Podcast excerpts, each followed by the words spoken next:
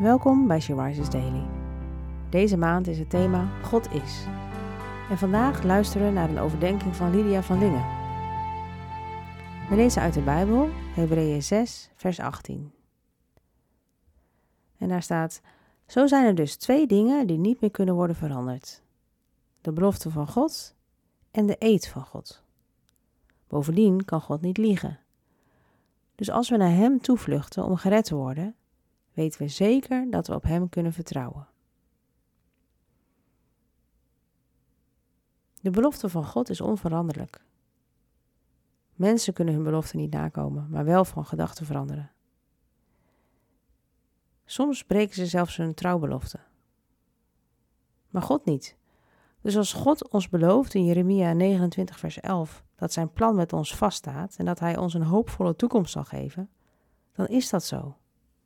We hoeven nooit te twijfelen, maar mogen hopen op Zijn belofte.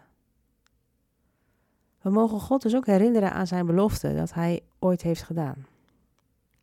Beloften die in de Bijbel staan, maar bijvoorbeeld ook de belofte die Hij heeft gedaan bij onze doop.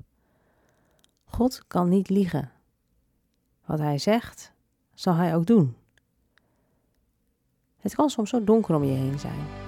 En soms weet je niet meer hoe het verder moet. Vlucht dan naar Hem toe. Geloof dat Hij zijn belofte zal nakomen en wordt gered. Bij Hem zul je een toekomst vol van hoop vinden.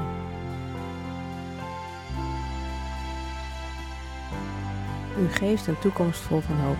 Dat heeft u aan ons beloofd. Niemand anders, u alleen, leidt ons door het leven heen. Uit Sela, toekomst vol van hoop. Laten we bidden. Heer, u heeft beloofd om voor ons te zorgen, om een vader voor ons te zijn.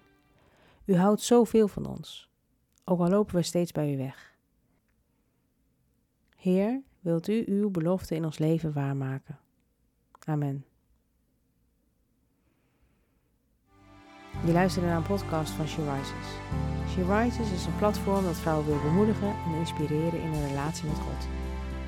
We zijn ervan overtuigd dat het Gods verlangen is dat alle vrouwen over de hele wereld Hem leren kennen. Kijk op www.she-rises.nl voor meer informatie.